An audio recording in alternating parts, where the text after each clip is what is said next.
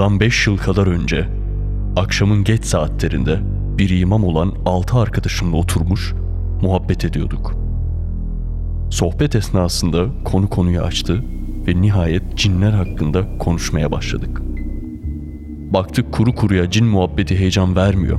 Çıkalım şöyle ormana doğru diyerek yola koyulduk. Belki bir cinle karşılaşırız düşüncesiyle.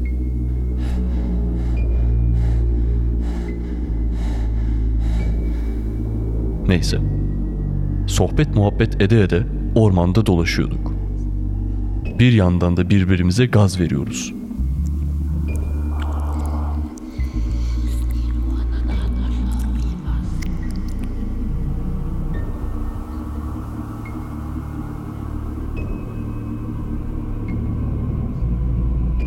İtiraf ediyorum. Ben biraz da imam olan arkadaşı güveniyordum.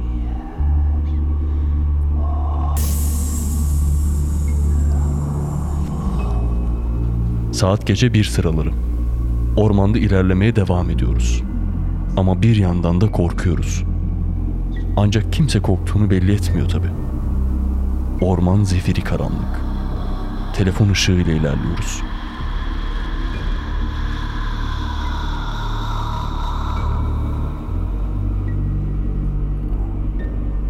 Bir müddet böyle yürüdükten sonra ormanlık alan bitti ve çimenlik bir tarlaya vardık.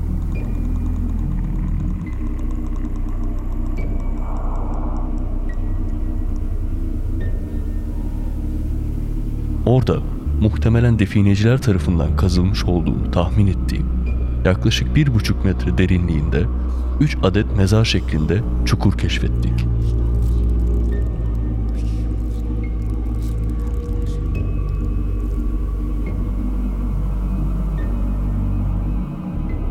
Ben bu çukurları gördükten sonra iyice korkmaya başladım. Artık dönsek iyi olur. Burada avcılar tarafından kör kurşuna kurban gitmeyelim dedim. Ama yanımdaki arkadaşlar beni duymazdan gelip merakla kazılı yerleri incelemeye devam ediyorlardı.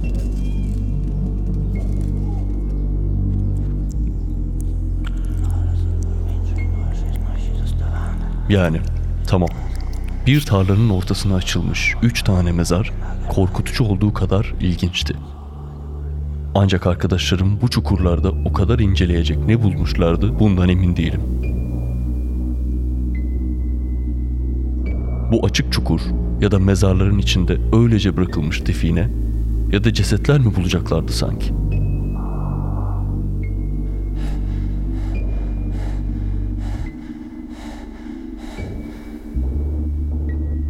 Hoca dediğim arkadaşım dahi diğerleri gibi eğilmiş çukurlardan birini dikkatli gözlerle inceliyorlardı. Birden bu imam arkadaşın göğsüne bir şey çarptı.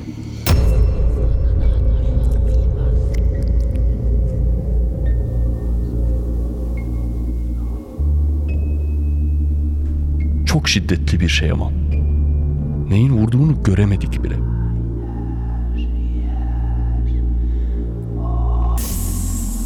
Ama çıkan o çarpma sesi çok fenaydı.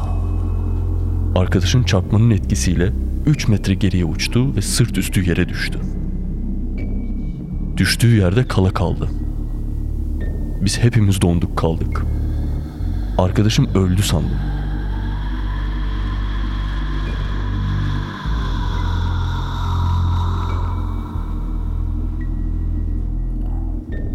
Eğer arkadaşıma çarpan o şey fiziksel bir madde olsaydı, o hızda gelen bir nesnenin havadaki o ıslığımsı süzülme sesini duymamamız imkansızdı. Ayrıca çarpmadan sonra o nesnenin de bir şekilde geri sekmesi yahut tıpkı arkadaşımız olduğu gibi geri düşmesi gerekirdi. Ortada bu adama çarptı diyebileceğimiz herhangi bir nesne yoktu.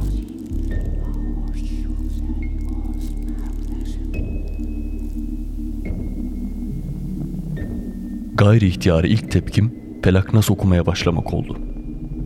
Ancak kul euzu bi rabbil felak diyorum gerisi gelmiyor. Kul euzu bir rabbin nas diyorum gerisi gelmiyor.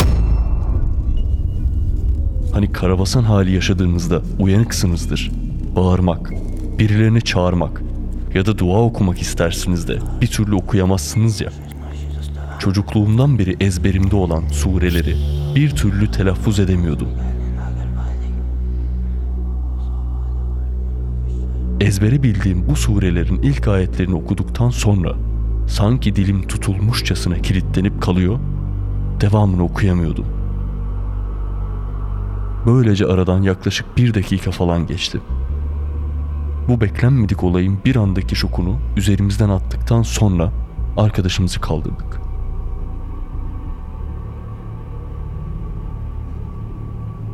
Düşündüğümüz kadar kötü durumda değildi. Ayağa kalkabilecek, yürüyebilecek durumdaydı. Sadece sersemlemişti biraz. Biraz da şaşkındı tıpkı bizim gibi. Arkadaşımız ayağa kaldırdıktan sonra panikle hadi gidelim buradan diyerek yola koyulduk.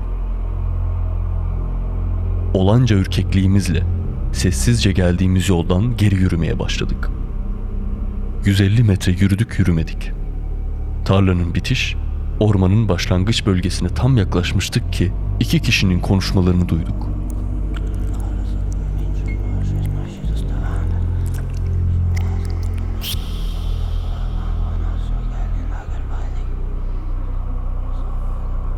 Ve aynı anda ormandan çatırdı sesi geldi. Hepimiz aynı anda durduk. Birbirimize baktık. Bu korku dolu sessizlik bir süre devam etti. Ne kadar sürdüğünü söylemek zor.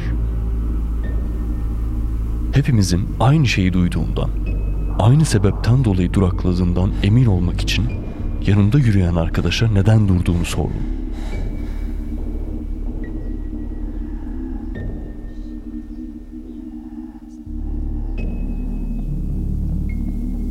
konuşma sesleri duyduğunu söyledi.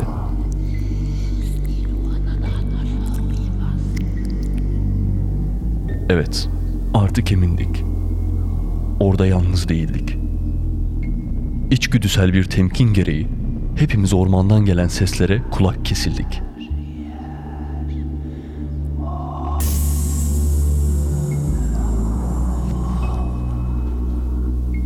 Konuşma sesleri gelmeye devam ediyordu. Ancak duyduğumuz o konuşma sesleri bizim dilimizde, daha doğrusu bizim anlayabileceğimiz herhangi bir dilde değildi.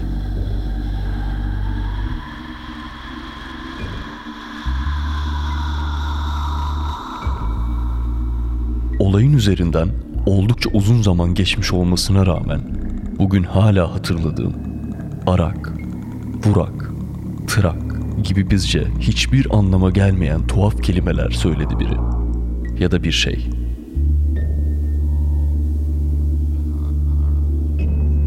Bir diğer ses sanki ona cevap verircesine. Gara, kuru, daki, madak gibi anlamsız bazı başka kelimeler telaffuz etti.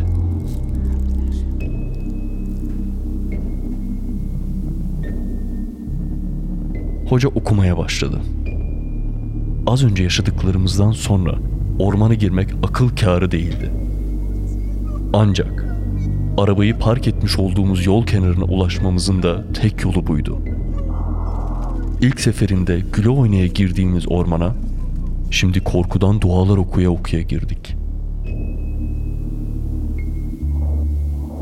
Dua okuya okuya ormandan çıktık. Yola vardık sonunda.